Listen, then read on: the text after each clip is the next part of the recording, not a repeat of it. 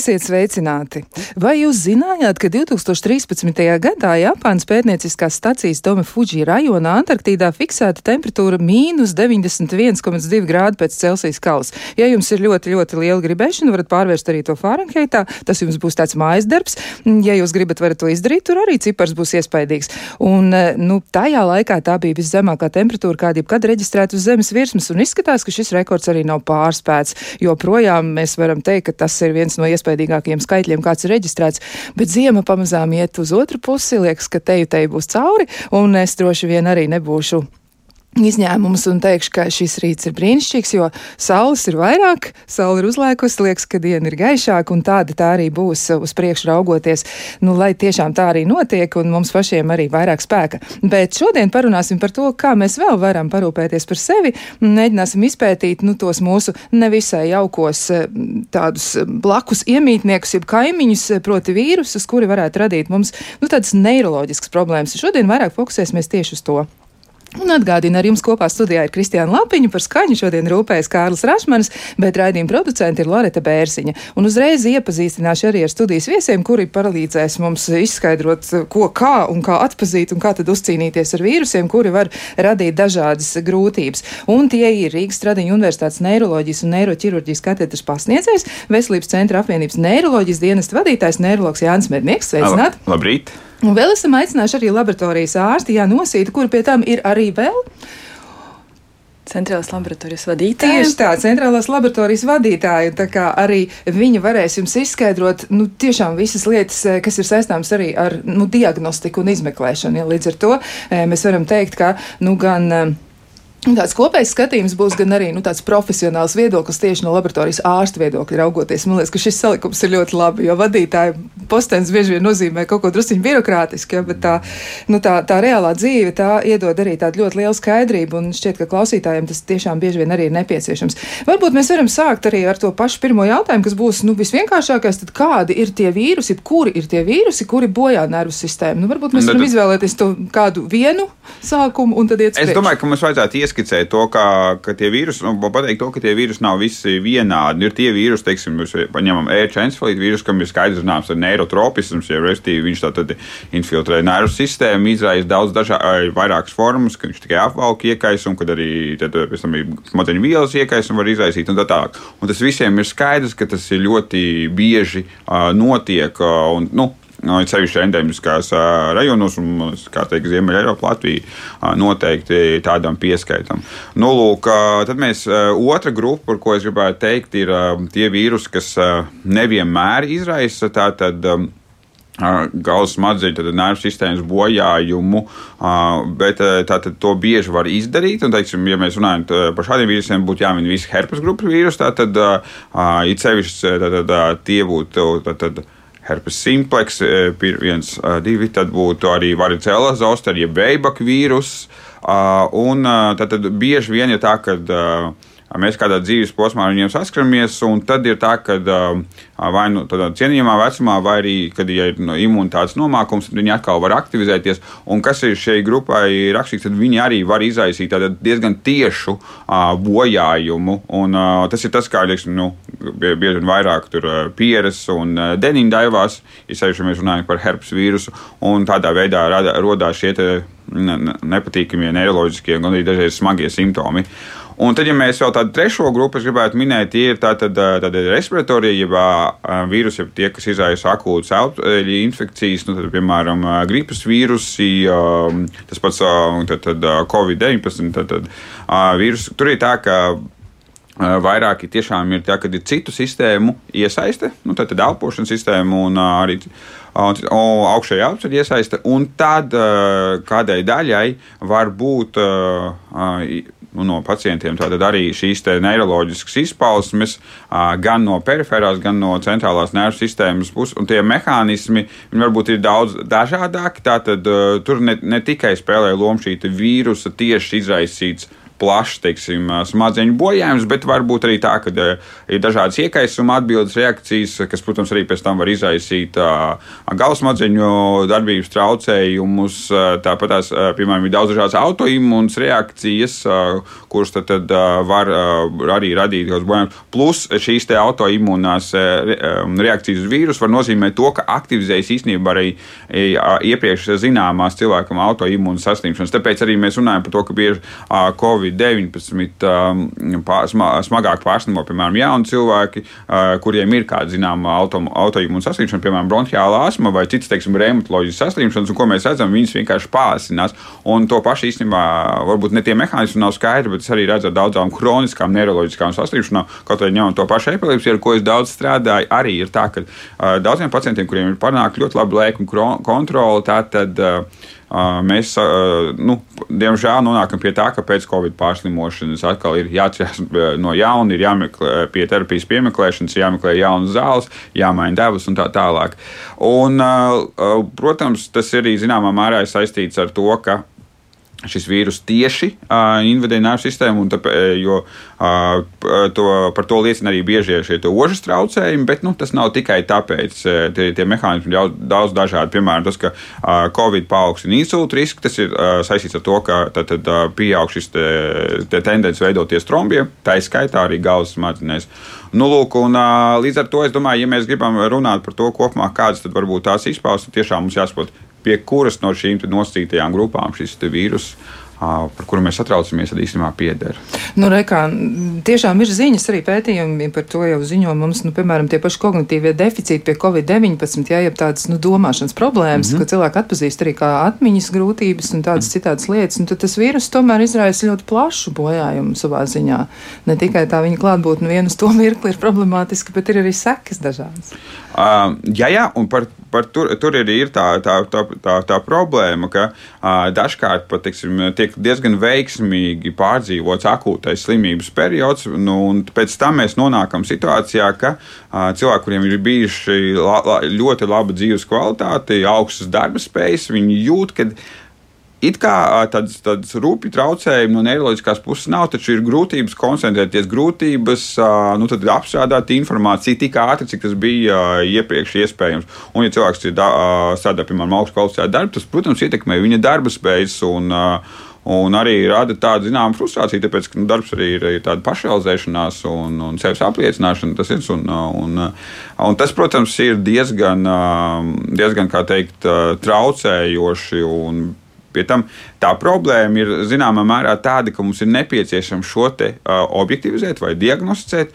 Jo, ja mēs tā runājam, vienkārši sarunā ar, ar, ar pacientu vai veicot pat ļoti vieglus, teiksim, kognitīvās skrīnēšanas testus, ka, lai rū, uh, rūpīgi izmaiņu atklāšanai, piemēram, kurus izmantojam demenču diagnostikā, tai pašā Alzheimer slimībā, tur viss būs kārtībā. Uh, vienīgais, kas varētu būt, ka varbūt tos testus izpilda nedaudz uh, lēnāk. Un līdz ar to uh, tā problēma ir tāda, ka, manuprāt, ir jābūt testiem, kas ir pietiekami efektīvi Um, un tādā ziņā, ka viņi uh, parāda daudz uh, smalkāk, nevis nu, teiksim, tādas ļoti rūpīgas izmaiņas, bet uh, um, specifiskākas, teiksim, uh, un uh, varbūt tad vairāk pat, teiksim, arī testa izpildes ātrums. Un tāpēc es, uh, mēs arī strādājam kopā ar LU pētniekiem pie tā, lai izveidotu tiešām tādus testus, kas būtu digitalizēti ar profesoru Šķilteru, tātad no Kognitīvo zinātņu laboratorijas. Un tieši tā, lai veidot šādus testus, kas mums ļautu uztvert šos te. Um, relatīvi vieglās izmaiņas, bet, nu, kas, teiksim, jaunam cilvēkam, protams, nozīmē ļoti daudz, jo tas arī ļoti frustrējoši ir priekš paša pacienta. Viņš saka, nu, es jūtu, ka, ka man ir kaut kas izmainīts, un es nu, man galvas smadzenes nefunkcionē subjektīvi tā, kā viņas funkcionēja iepriekš. Otrs puses mēs sakām, bet nav nekāda izmaiņa. Nu, tas ir viens tāds, tāds moments. Otrs, man liekas, ka arī par jautājums ir par diagnostiku. Bieži vien ir tā, ka tagad jau tajos vēlākajos viļņos, attiecībā piemēram pret covid, ir jau tā, ka daži nemaz nezina, kāds ir viņu covid pašslimošanas status. Tad, tad mums ir tas jautājums, ja mēs gribam pateikt, ka šis bija saistīts nu, kognitīvie traucējumi ar relatīvi vieglu noritošu covid infekciju pārslimotu, vai arī teiksim, viņai pat bija kaut kāda teiksim, vispārēja simptoma, temperatūra, augšējā elpceļa infekcijas simptomi, bet nu, vienkārši netika nodiagnosticēts. Tad mēs arī mums grūti pateikt, ir, vai, vai tiešām tas varētu būt ar pārslimotu šo infekciju vai nē. Un, man liekas, tā ir tā, tā arī tā no tā jēga no laboratoriskiem testiem ne tikai akūtajā situācijā ir pie ļoti lieliem simptomiem, bet arī pateikt, vai ir vai šī inficēšanās arī, bet arī teiksim, to pārslimošanas status, teiksim, saprast arī. Nu, Kas tur īsti jā. notiek? Jā. Nu, jautājums arī, protams, laboratorijas virzienā. Noteikti jums ir dati par dinamiku, kā tas ir un kas tad ir tas, ko jūs varat arī pateikt par to. Nu, kā ir ar cilvēkiem? Droši vien, ka tagad ir citas diagnostikas iespējas arī un daudz ko var noskaidrot, daudz ko var konstatēt, cik daudz cilvēki vēršas pie jums ar tādu apzinātu vēlmi noskaidrot, kas tieši notiek, un ka varbūt viņi arī meklē nu, neiroloģiskiem simptomiem tāds skaidrojums, kas varētu būt saistīts ar vīrusu klātbūtni. Kā jūs to saskatāt un kā tas ir? Ja mēs runājam uz šodienas jā, par diagnostiku saistītu tieši ar vīrusu izplatību, protams, vairāk aktīvi šobrīd pacienti tieši grib izmeklēties, nekā es varu pateikt, līdz koronavīrusa uzliesmojumam. Jā, jo pirmkārt, vairāk viņi paliek izglītoti, viņi saprot, ar ko tas var būt saistīts. Bet, ja mēs tieši runa, saksim, varbūt no sākuma par uh, vīrusu izplatību un dažādu vīrusu vispār izpausmes, kas tas var būt, jā, kā pareizi doktori pieminēja, mēs runājam par dažādiem vīrusiem, dažādiem vīrusiem arī savā diagnostika. Ja mēs runājam par respiratoriem vīrusiem, viņiem ir diagnosticējami gan arī, piemēram, respiratorē trakta paņemot, uz, uzstriepīti, ja, un tad mēs varam redzēt, vai ir akūta saslimšana, un tā ir būs molekulārā diagnostika, ar kuru mēs palīdzību varam noteikt, vai ir ģenetisks, konkrētais ģenetisks materiāls pacienta parauga, un varam teikt secinājumu, ka viņiem ir tā akūta saslimšana. Ja mēs runājam par respiratoriem vīrusiem. Tālāk, ja piemēram pacientam, ja mēs uzstādām statusu, viņš ir pozitīvs, ja, vai ir atrasta tā, atrast konkrētais vīrus, pret kuru konkrētu mērķi mēs meklējam, tā vienmēr diagnostika, arī laboratora diagnostika izvēlē, piemēram, pēc konkrēta vīrusa. Mēs runājam par koronavīrusu, mēs runājam, vai mēs runājam par gripas vīrusu, vai tagad arī, kas šogad ir ļoti aktuāli, respiratoris sincitiālais vīrus, kas arī nemaz, viņš arī dzēs ietekmē uz neiroloģiskām visādām saslimšanām, varbūt arī attīstīt īpaši bērniem. Viņš ir svarīgs un īstenībā par viņu ļoti maz viņu diagnosticē. Tālāk, piemēram, arī pār Mm, citiem metapneumvīrusiem, jā, kas īstenībā diezgan aizmirsta diagnostikā un ne tik akūti un plaši izmanto.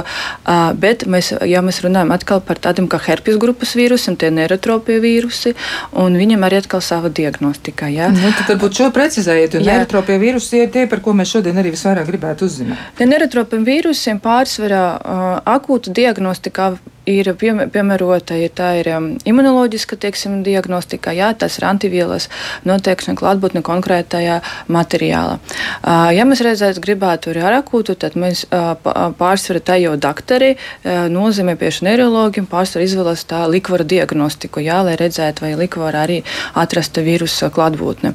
Bet pacienti, kas paši vēršas uz laboratoriju, pārsvarā, protams, izmanto tā antivielu noteikšanu, un pēc kā mēs varam secināt, zināt, vai ir akūta saslimšana, vai arī jau pārslimota infekcija, ja vīrusa infekcija.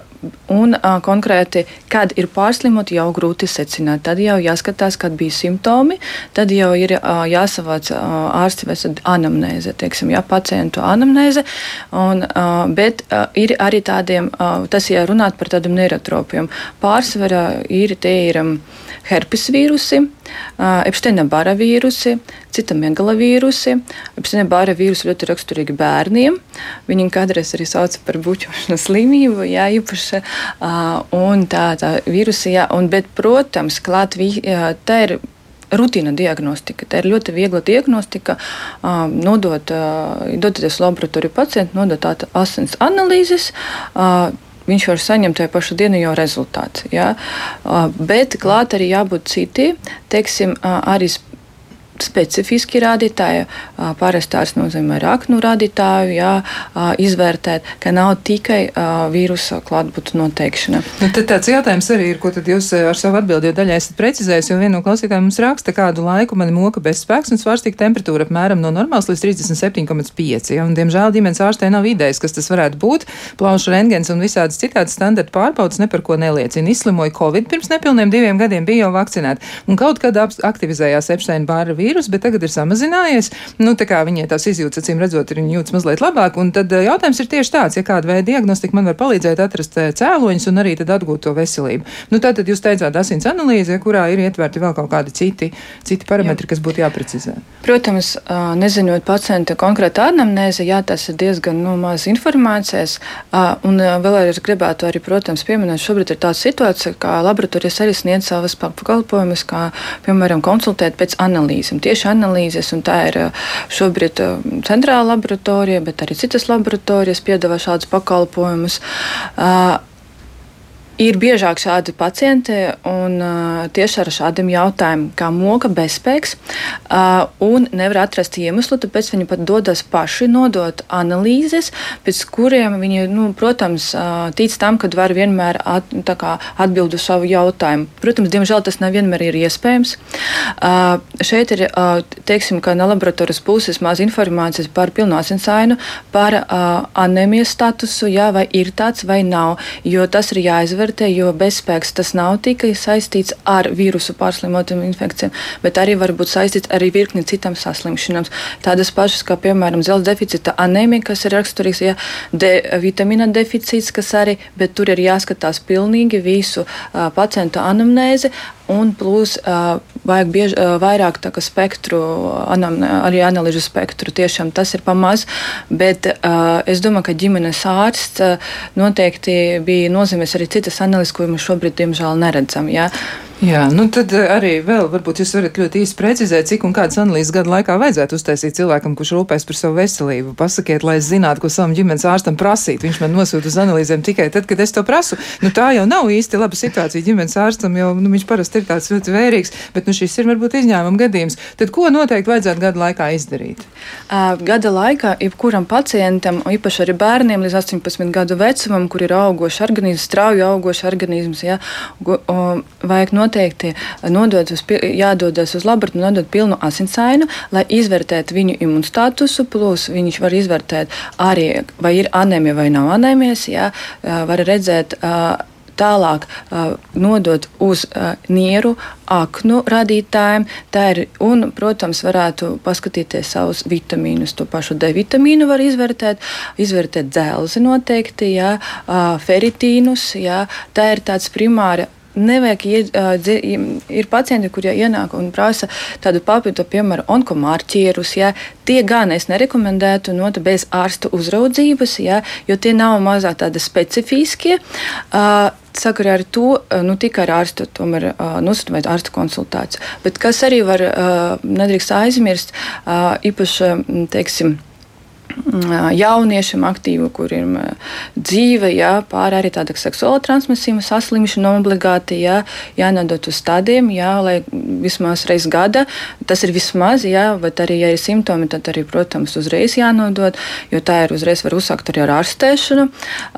Un, ja mēs runājam par senioriem, tā ir jau iet uz kardioloģiskiem mārķieriem, var arī pievērst uzmanību, bet jebkura gadījumā pacientiem drīkst uzzināt šo visu visu informāciju arī laboratorijas. Un laboratorijas sniedz šo pakalpojumu, un laboratorija arī palīdzēs izvēlēties to spektru, kādu var noteikt, un palīdzēt arī viņu pēc tam izprast. Ja, ja, nu, ja ir tāda situācija, piemēram, ka ģimenes ārsts, piemēram, nu, varbūt uh, ir rindas, šobrīd mēs zinām, ka nav tik viegli tikt pie ārstiem. Arī. Nu, tad skaidrs, tad noteikti to var darīt. Mums jau ir kāds klausītājs zvans, tad mēs varam arī aprunāties. Mēs klausāmies, esiet sveicināti, lūdzu! Jā, labrīt. Es varu apliecināt, eh, runāt par smadzenēm, man, man ir paziņa, kuram eh, savukārt viņam ir bija draugs, kurš bija diezgan veiksmīgs IT sfērā, ja, un pēc pārslimošanas ar uh, Covid, ja, tad viņam tas prātiņš palika, nu, nu ne jau tā kā vaipratīgs, bet uh, viņš vairs nevarēja tik ātri to, to visu, tā kā sakot, sabražāt, ja. Bet runājot arī par smadzenēm, Es nesen dzirdēju tādu informāciju, parasti es klausos tur par, viņš par politiku runā, tas Ņuzorovs, jā, bet viņš arī stāstīja par to, ka uh, diezgan burtiski, ka eksistē tādi vīrusi, kuri var ietekmēt smadzenes un cilvēks var palikt, nu, burtiski, tad tas būs jautājums vīrietim drīzāk, kurš ciemos, es domāju, viņš veiksmīgāk atbildēs, ka cilvēks var palikt uh, vīrusa ietekmes gaitā par tādu agresīvu zombiju, jā, ja vīrusam tas ir uh, izdevīgi, ka cilvēks ir, nu, burtiski agresīvs un uh, viņš var ar kanibalismu nodarboties kaut ko tādu, kas ir zināms par to, jā. Paldies! Paldies par jūsu Jā. jautājumu. Jā, mēģināsim noskaidrot, kā tad ir, kādi un varbūt arī tiešām kuri vīrusi tad var ietekmēt nu, tik ļoti mūsu domāšanas procesus, ka izraisa tāds būtisks sekas. Nē, nu tad es saku ļoti daudz jau, jo mēs nav jau tālu, ja jāmeklē, teiksim, to pašu tas koronavīrus ir tā, ka, protams, saka, tas biežāk ir šādas izpausmes, saku, tas īstenībā ļoti bieži arī mans pacients tāds, ja, teiksim, jauns IT speciālists, kurš viņiem augst, veic augstu kvalificētu darbu, tad, tad kognitīvās spējas ir ļoti augstā līmenī, un tad viņš redz, ka viņš vairāk nevar um, turpināt tādā pašā veidā. Un tad uh, strādāt, jo vienkārši jūt, ka uh, nevar koncentrēties, vai, teiksim, ja ir fiziska slodze, bijusi nākamajā dienā ir vēl grūtāk, teiksim, strādāt un, un tā tālāk. Uh, un nākamais, ko es gribētu teikt, ir īstenībā ļoti bieži garstāvokļa traucējumi. Tā tad ir depresijas, kas rodas no jauna. Tātad, uh, Un, un dažkārt ir arī psihotiski traucējumi, par ko ir jārunā. Nu, tad, šīs psihiskas funkcijas, dažreiz to grūti varbūt saprot, viņi arī ir saistīti ar, saistīts ar konkrētām galvas smadzeņu daļām. Nu, tad, un arī, ja mēs runājam par to pašu depresiju, kāpēc tas kāpēc attīstās bieži vien pēc, pēc Covid pārslimošanas, tāpēc, ka, saprotam, viņi tātad galvas smadzenēs nonāk cauri tātad šie ožas neironiem, tad, kuriem šie ožas centri savukārt ir pieres daivas pamatnē, deniņdaivā un tā tālāk. Un tāpēc arī šīs te. Um, Izpausmes tieši ir saistīts ar šo pieredzīvojumu. Kā mēs zinām, tad, tad dažādi pieredzīvības centri ja, ir iesaistīti de, procesos, kas ir garstāvokļa regulācija. Un tad, tad, protams, arī teiksim, šī pieredzīvība svarīga uzvedības kontrolē. Tātad, tāpēc arī var būt šie psihotiskie traucējumi, plus, plus tas, ka nu, arī denīdājums iesvairs ko es gribētu teikt, ka mm, tā tad uh, varbūt neiet tādās galējībās, tā, ka cilvēks kļūst tāds, teiksim, kā zombijs, varbūt tas ir nedaudz tā kā, tā kā pārspīlēts un tā tālāk. Nu, tas varbūt tiešām nav tik bieži, bet, uh, bet tā problēma ir tāda, ka tiešām cilvēks ir uh, emocionāli būtne uh, un tā tālāk. Un, ja mēs redzam, ka ir šie, šie smagie garstāvokļa traucējumi, tad mēs apkārtējiem pa dažreiz var. Uh, nu, rasties sajūta, ka viņš ir pilnīgi izmainījis cits cilvēks, jo viņš emocionāli nav pieejams tādam, nu, vai teiksim, tādam tuvam kontaktam, kā viņš ir, eh, kā viņš ir bijis. Un, nu, tas, protams, veido cilvēku. Līdzīgi kā mēs īstenībā nenovērtējam arī to, ka oži ir eh, fundamentāla funkcija, kas ir svarīga, līdz mēs viņu nezaudējam. Ja? Tad, tad, eh, un, um, Un saka, no dažiem šiem pacientiem, kam mums ir bijuši tieši arī, atceros, draugs IT speciālists, viņam bija fizisks slodzes to, tolerants traucējumi. Uh, rokas kājas visu labi kustās, muskuļu spēks ir perfekts un tā tālāk. Viņš saka, vienkārši es nevaru tolerēt šo slodzi. Un, uh, mēs skatījāmies no simptomiem, kas viņam vispār ir izmaiņas uh, un uh, kādi rādītāji tad var parādīt. Un mēs at, viņam pat nav tā, ka viņam pat pulss pieaugtu slodzes laikā. Viņam ir tikai sirds ritma variabilitātes izmaiņas. Tad, kā mēs zinām, tad sirds ritmam nav jābūt visu laiku kā ar kardiostimulātoru. Tas intervāls starp diviem sirdspūstiem nedaudz mainās veģetīvās nervu sistēmas ietekmē. Un šim pacientam, šim cilvēkam bija tikai vienīgi šis izmaiņas. Ja? Un tā ir tā problēma dažreiz, ka mēs gribam atkal aiziet precīzi saprast, kas notiek ar nervu sistēmu vai teiksim, šo te nogurdināmību. Mums nav, tas nav tā, ka mēs varam nodot laboratorijā kādu testu, un eh, neiroloģija, diemžēl, joprojām ir viena no tām jomām, kur šādu specifisku testu uh, ir vismazāk. Uh, tad, uh, ar to ir jārēķinās. Savukārt, ko mēs uh, no neiroloģijas arī zinām, ka Pirms mēs sakām, ka problēmas saistītas ar teiksim, nogurums vai grūtības koncentrēties saistīts ar nervu sistēmas disfunkciju, izslēdzam citu orgānu sistēmu darbības traucējumu, jo, protams, nervu sistēma jau nav nekādā veidā atdalīta no pārējā organisma. Ja? Tad, tad viņai ļoti liels prasības pēc uzturu, uh, tad, tad pēc ļoti liela metabola aktivitāte. Tad, tad galvas smadzenes sver mazāk par diviem kilogramiem, bet viņas patērē 25% no visas enerģijas. Ja? Tad tas ir milzīgi prasīgi. Ja ir kāda orgānu sistēma, no aknu nu, funkciju traucējums, nieru funkciju traucējums, mēs uzreiz to jutīsim attiecībā uz galvas smadzeņu funkciju. Nu, tā tad būs jāmēģina tur precizēt, kas un kā, bet tiešām var būt dažādas sekas. Klausītājiem ir dažādi jautājumi. Viņi arī ļoti konkrēti mēģina izpētīt dažas lietas, un viens no jautājumiem arī ir tāds, nu, piemēram, gadu mijā izslimoja Covid un pēc tam gripu, kurai kā komplikācijas bija herpes vīrusi. Nu, tad, tad arī tas, kā saka, izkāpa ārā, nebija izpaudies 25 gadus un sastartoja veidoja arī, acīm redzot, deguna blakus dobumu. Un tagad jau mēnesi ir grūti aizmigt, vispār gulēt, un tikai dažas stundas pa nakti. Un, nu, klausītāji arī atzīmē, ka nav nekāda depresija vai cita psiholoģiska tāda stāvokļa, nu, kas būtu izmainīta. Nu, tas, tas nav, ja, bet, nu, tomēr ir tāda ļoti nepatīkama izjūta. Un jautājums ir tieši tāds, ja vai tās varētu būt šo vīrusu sekas un pie kāda ārsta šādu problēmu vērsties. Nu, tad, tad šīs noteikti ir, nu, ļoti, noteikti var būt, tas nav obligāti, bet viņas var būt, un tās ir diezgan biežas te, šādi pārslimot vīrusu. Plus viņi ir bijuši vairāki reizē, un tas jau ir, ir pamatoks. Plus viņi ir izprovocējuši vēl citas iepriekš bijušas, bet, teiksim, tātad relatīvi neaktīvas tātad šīs te, saslimšanas. Teiksim, tā kā tas noteikti var būt. Ja mēs runājam pie kā vērsties, tad viens variants, protams, ir neiroloģis. Vienkārši pastīties arī, vai, vai nav kādu teiksim, citu neiroloģisku funkciju traucējumu un tā tālāk. Jo, jo bieži vien teiksim, saka, arī cilvēks iedomājas par viņam diezgan izteikti jūt kādu vienu problēmu. Teiksim, ja mēs arī sarunā ar viņu nereti varam pateikt arī, nu, ir arī jāpievērš uzmanība arī citiem aspektiem. Tā kā, nu, neiroloģis, ja, teiksim, ja, ja būtu izteikti garstāvoklis traucējumi, izrādās psiholoģisks traucējumi, nu, tad, protams, varbūt arī vairāk uh, psih, psihiatrs, bet domāju, šajā gadījumā tiešām neiroloģis. Neiroloģis tātad varētu būt tas cilvēks, ar kur ir vērts aprunāties. Jā, jā nu, tur mums vēl daudz ir lietas izpētāmas, un tiešām ir arī daži tādi konkrēti vaininieki, par kuriem gribētu parunāt, jā, bet to tad mēs visu darīsim pēc īsa brīža. Kā labāk dzīvot?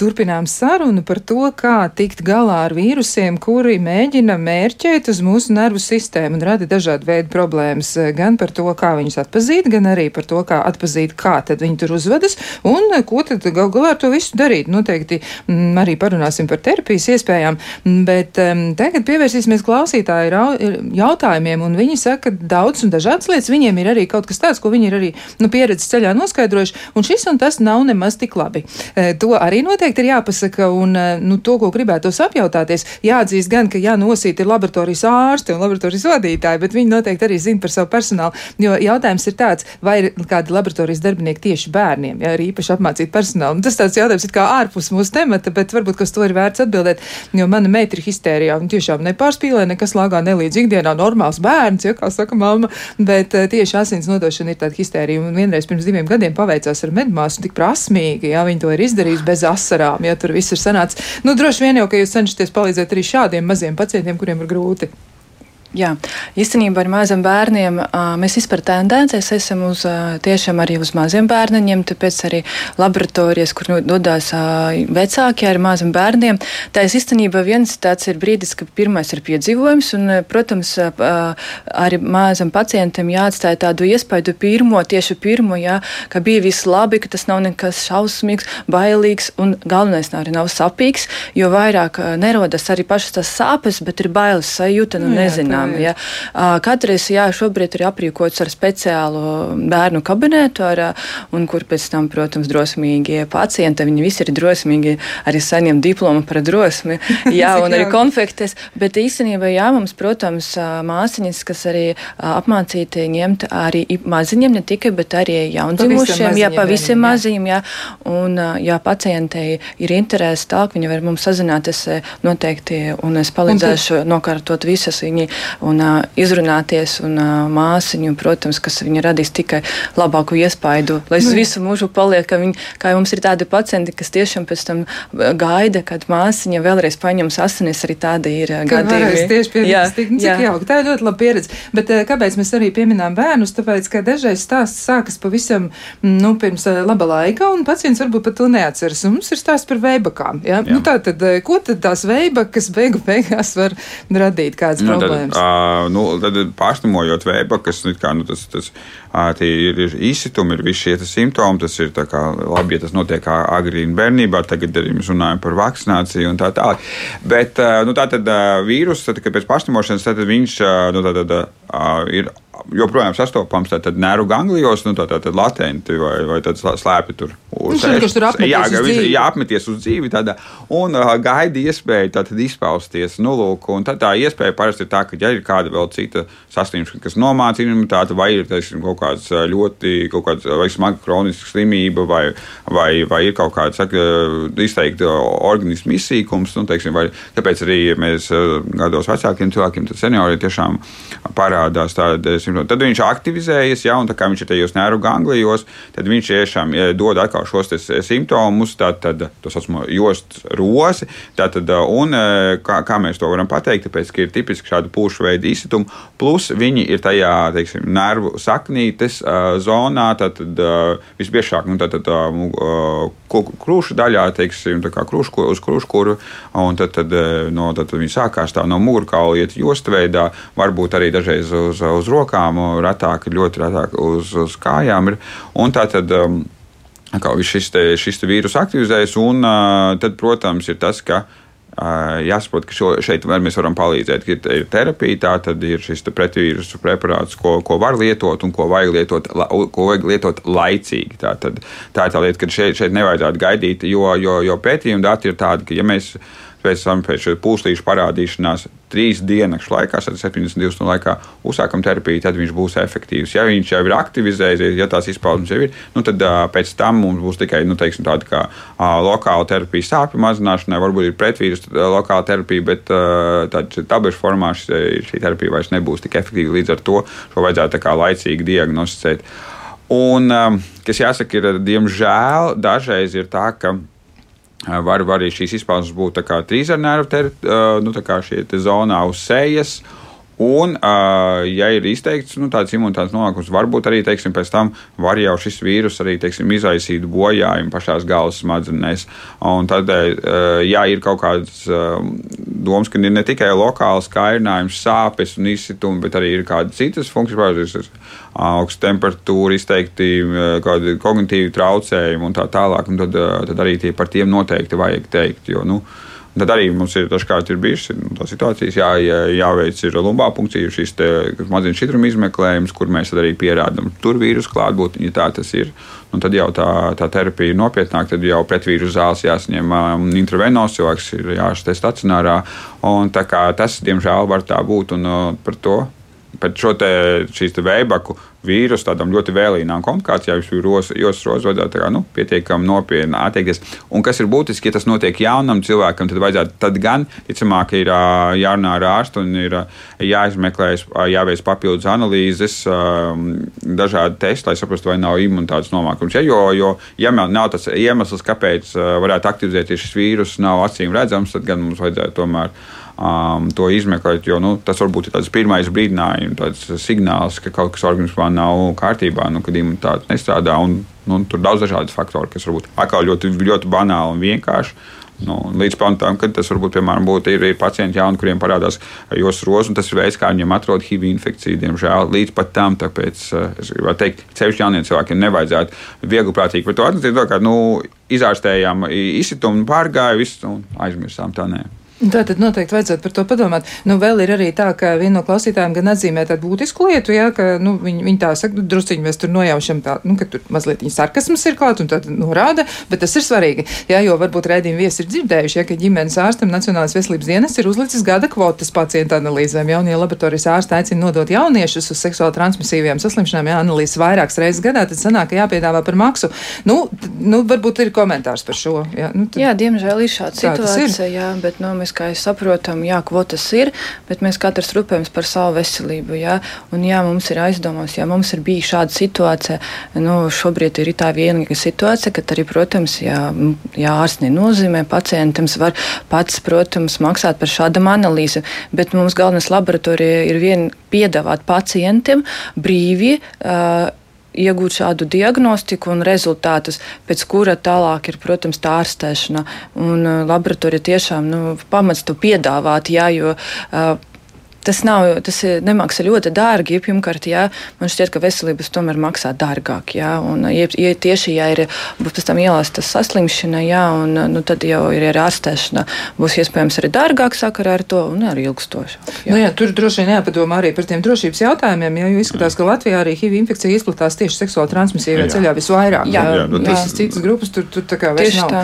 Nu, lūk, nu tā, vēl arī mazliet atgriežoties atpakaļ pie herpes zoster, ja, kas droši vien nu, kaitina daudzus cilvēkus un bojā viņiem dzīvi. Nu, jautājums ir tāds, ja laicīgi nav diagnosticēta herpes zoster infekcija un puslīši jau ir pārsprāguši un zāles eh, klausītājs saka, ka sācis lietot pēc četrām, piecām dienām, tas nozīmē, ka viņš nekad vairs neizārstēsies. Nē, no, nē, nē, nē.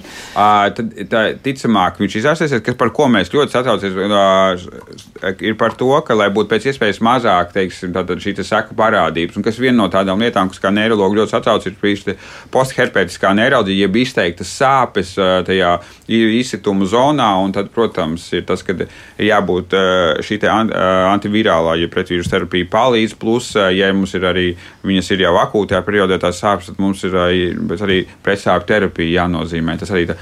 Tas ir vienkārši. Mēs šeit, šajā gadījumā mēs runājam par varbūtībām. Ir, protams, tie, kur pārstamo ne, nesaņemot terapiju pret, vīrus, pret vīrusiem, tad, bet viņam viss ir labi. Tad, nu, Citiem atkal savukārt paliek šī saka parādīs. Medicīnā nekas nav absolūts. Mēs, mēs zinām, ka ir, ir riski, un mēs vienkārši mūsu darbības ir vērsta, lai šos riskus samazinātu un, teiksim, nu, vai pasargātu. Tā tā.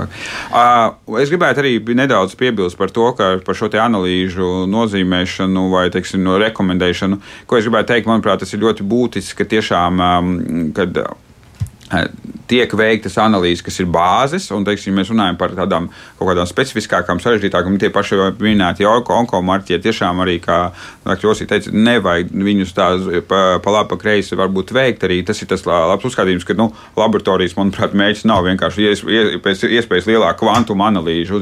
Mums ir svarīgi, lai mēs saprastu, ko mēs ar to darām. Neiroloģijais bieži vien arī to sastopos, ir tas, ka uh, bieži vien uh, laba analoģija ir. Uh, radioloģiskie izmeklējumi, magnēta rezonanses izmeklējums. Cilvēks uh, ir gatavs veikt magnēta rezonanses izmeklējumus, tad, kad viņš nav vajadzīgs.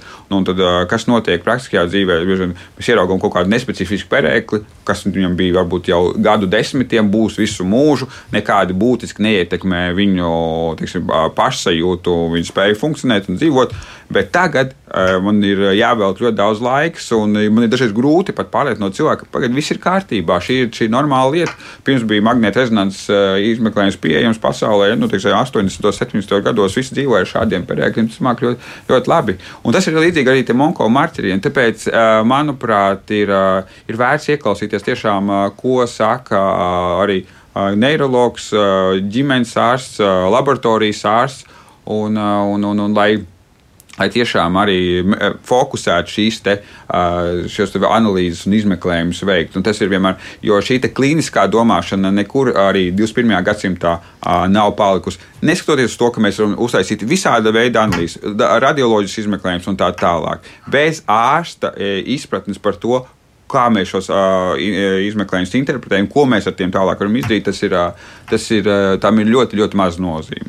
Jā, nu, tomēr tad jābūt ir, nu, droši vien abām pusēm iesaistītām, ja jau klausītāji, nu, tomēr nav viņi tik, tik vien, kā saka, ar pliku roku ņemam, ja jau viņi saka, nu, ka nav reizēm nemaz tie ģimenes ārsti tik vērīgi, un kamēr pats nepajautās, neko nepiedāvās, un, diemžēl, klausītāji, vienai no klausītājiem ir ļoti nelāga pieredze, viņi saka, tāda nevērība ir novedusi pie divām operācijām gadu laikā, un viņi saka, nu, ka jāpļaujas tikai uz savām zināšanām un konsultācijām slimnīcas poliklinikās pie speciālistiem. Nu, droši vien, ka tad, ja ir pieredze, kura ir nelāga un liek domāt, ka kaut kas īsti nav labi, varbūt ir vērts apdomāties par ģimenes ārsta maiņu, kas to zina, varbūt tas Jā. kontakts neveidojas. Ja? Nu, Jā. to jau vienmēr var risināt.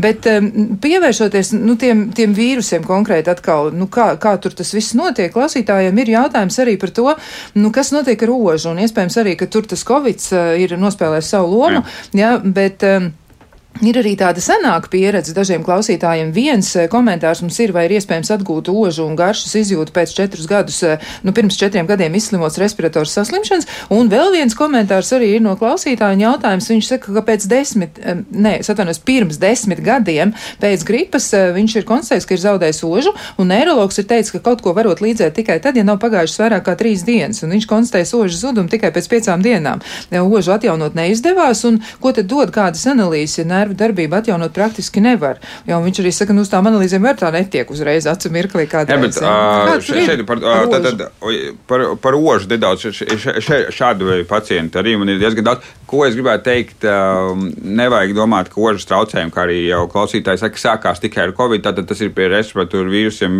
respiratoru vīrusiem bieži sastopama problēma.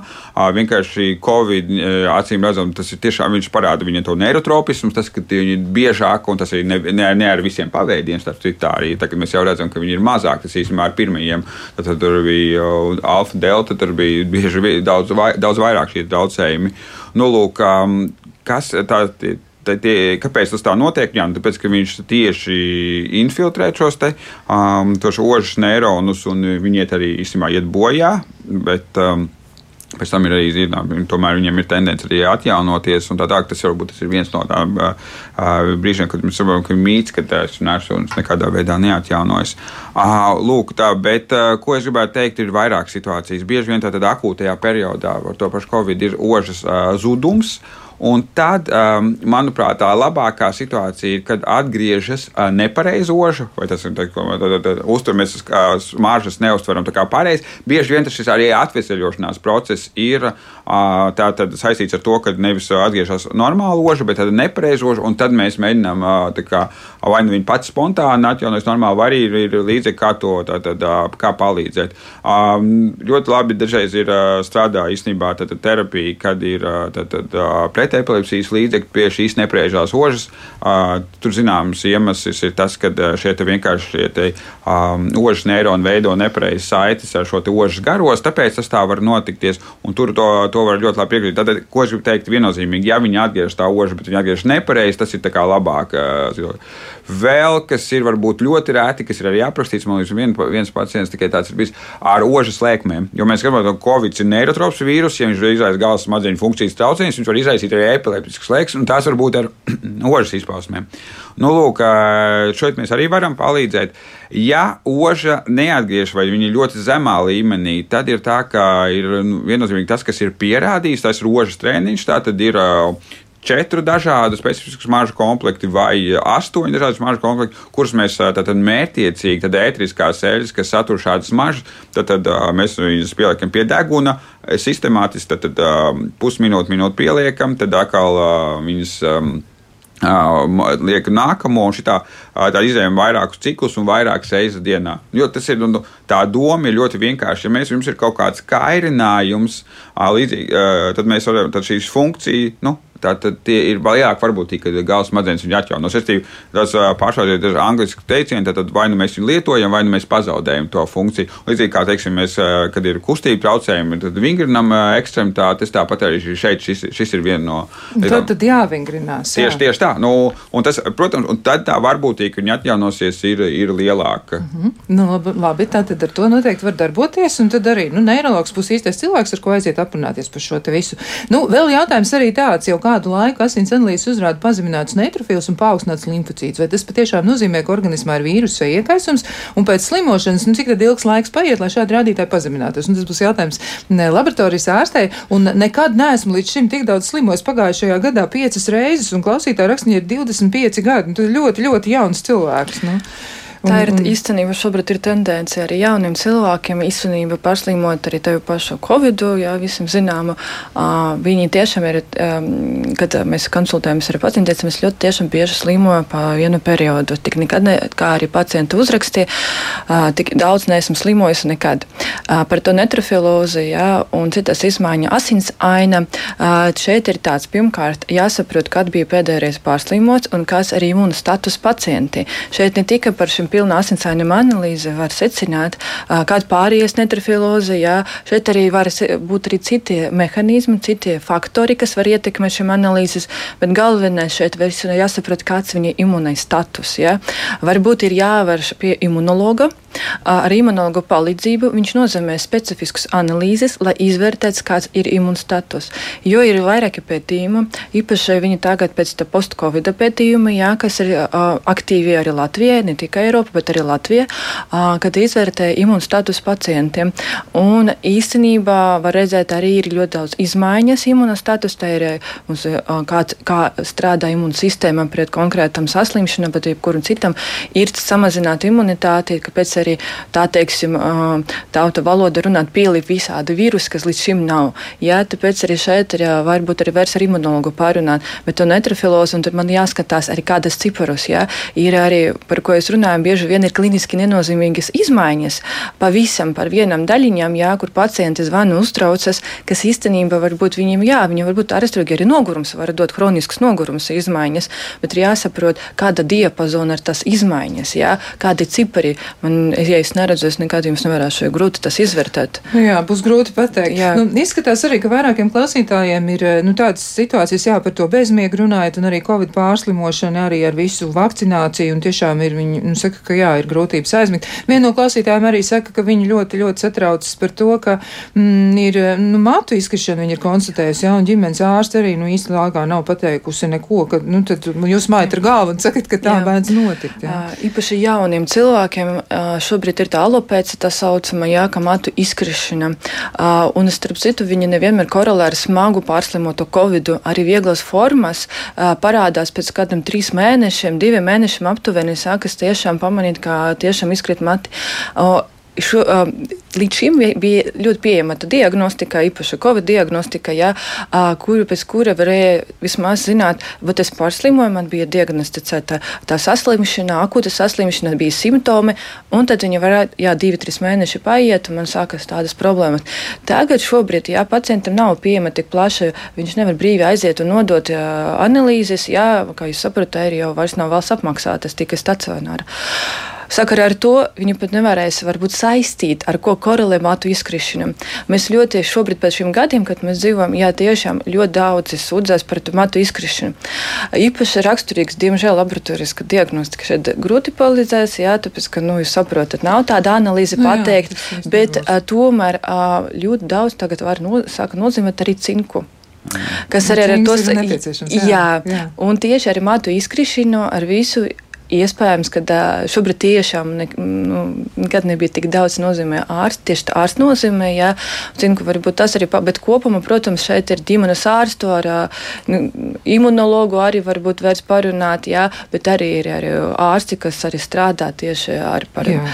trihologu, iespējams, jā, tas nu, var palīdzēt šajā situācijā. Nu, tā tad būs noteikti par to vērts aprunāties. Nu, laiks mums vairs nav necik palicis, un, diemžēl, mums saruna šobrīd ir jābeidz, bet varbūt vēl Jānis Mednieks var pateikt, kur tad var iesaistīties klausītāji. Jūs pieminējat ļoti vērtīgu lietu, e, tajā mirklī, kad mēs nedaudz atvilkām elpu, par to, kur var iesaistīties, lai palīdzētu varbūt pilnveidot diagnosticēšanas metodus tieši testu. Jā, ziņā, tā tad uh, gribēju teikt arī, ne, tas ir viens ir tā kā diagnostika, tā tad tiek plānots, uh, pašlaik tiek sagatavošanas stadījumā, pē, stadijā par pētījumus par tātad uh, kognitīvu traucējumu ārstēšanu pēc mazināšanu pēc Covid. Tātad, ja vērsties pēc valdības tā kā VCA neiroklinikā, um, um, pieejami kontakti internetā, tātad, uh, lai pieteiktos jau īstenībā arī pētījumam. To es gribētu tad... aicināt. Jā, jo mēs arī Latvijā, un tā kā mūsu klinika, mēs meklējam risinājumus tātad Covid seku mazināšanai un, un, un, protams, tiek meklēta kā pasaulē arī dažādi farmakoloģiski risinājumi. Jā. jā, nu tiešām liels paldies arī par šo informāciju. Noteikti tā tad vajadzētu mēģināt meklēt arī pašiem tās iespējas, kur mēs varam paplašināt arī to savu līdzdalību un pēc tam arī saņemt atgriezenisko saiti. Tajā nozīmē, ka mēs varēsim saņemt labāku, precīzāku diagnostiku par to, kas ar mums tieši notiek. Tiešām vēl ir daudz jautājumu palikuši, daļa arī ir neatbildēti un daļa ir tāda, uz kuriem daļai mums ir izdevies atbildēt. Mēs noteikti to paturēsim prātā un turpināsim šo sarunu atkal kādā citā reizē, jo jautājumu gan jau, ka vēl ir gana, gan par multiplo sklerozi, gan daudz ko citu, jā, par pētījumiem un tā.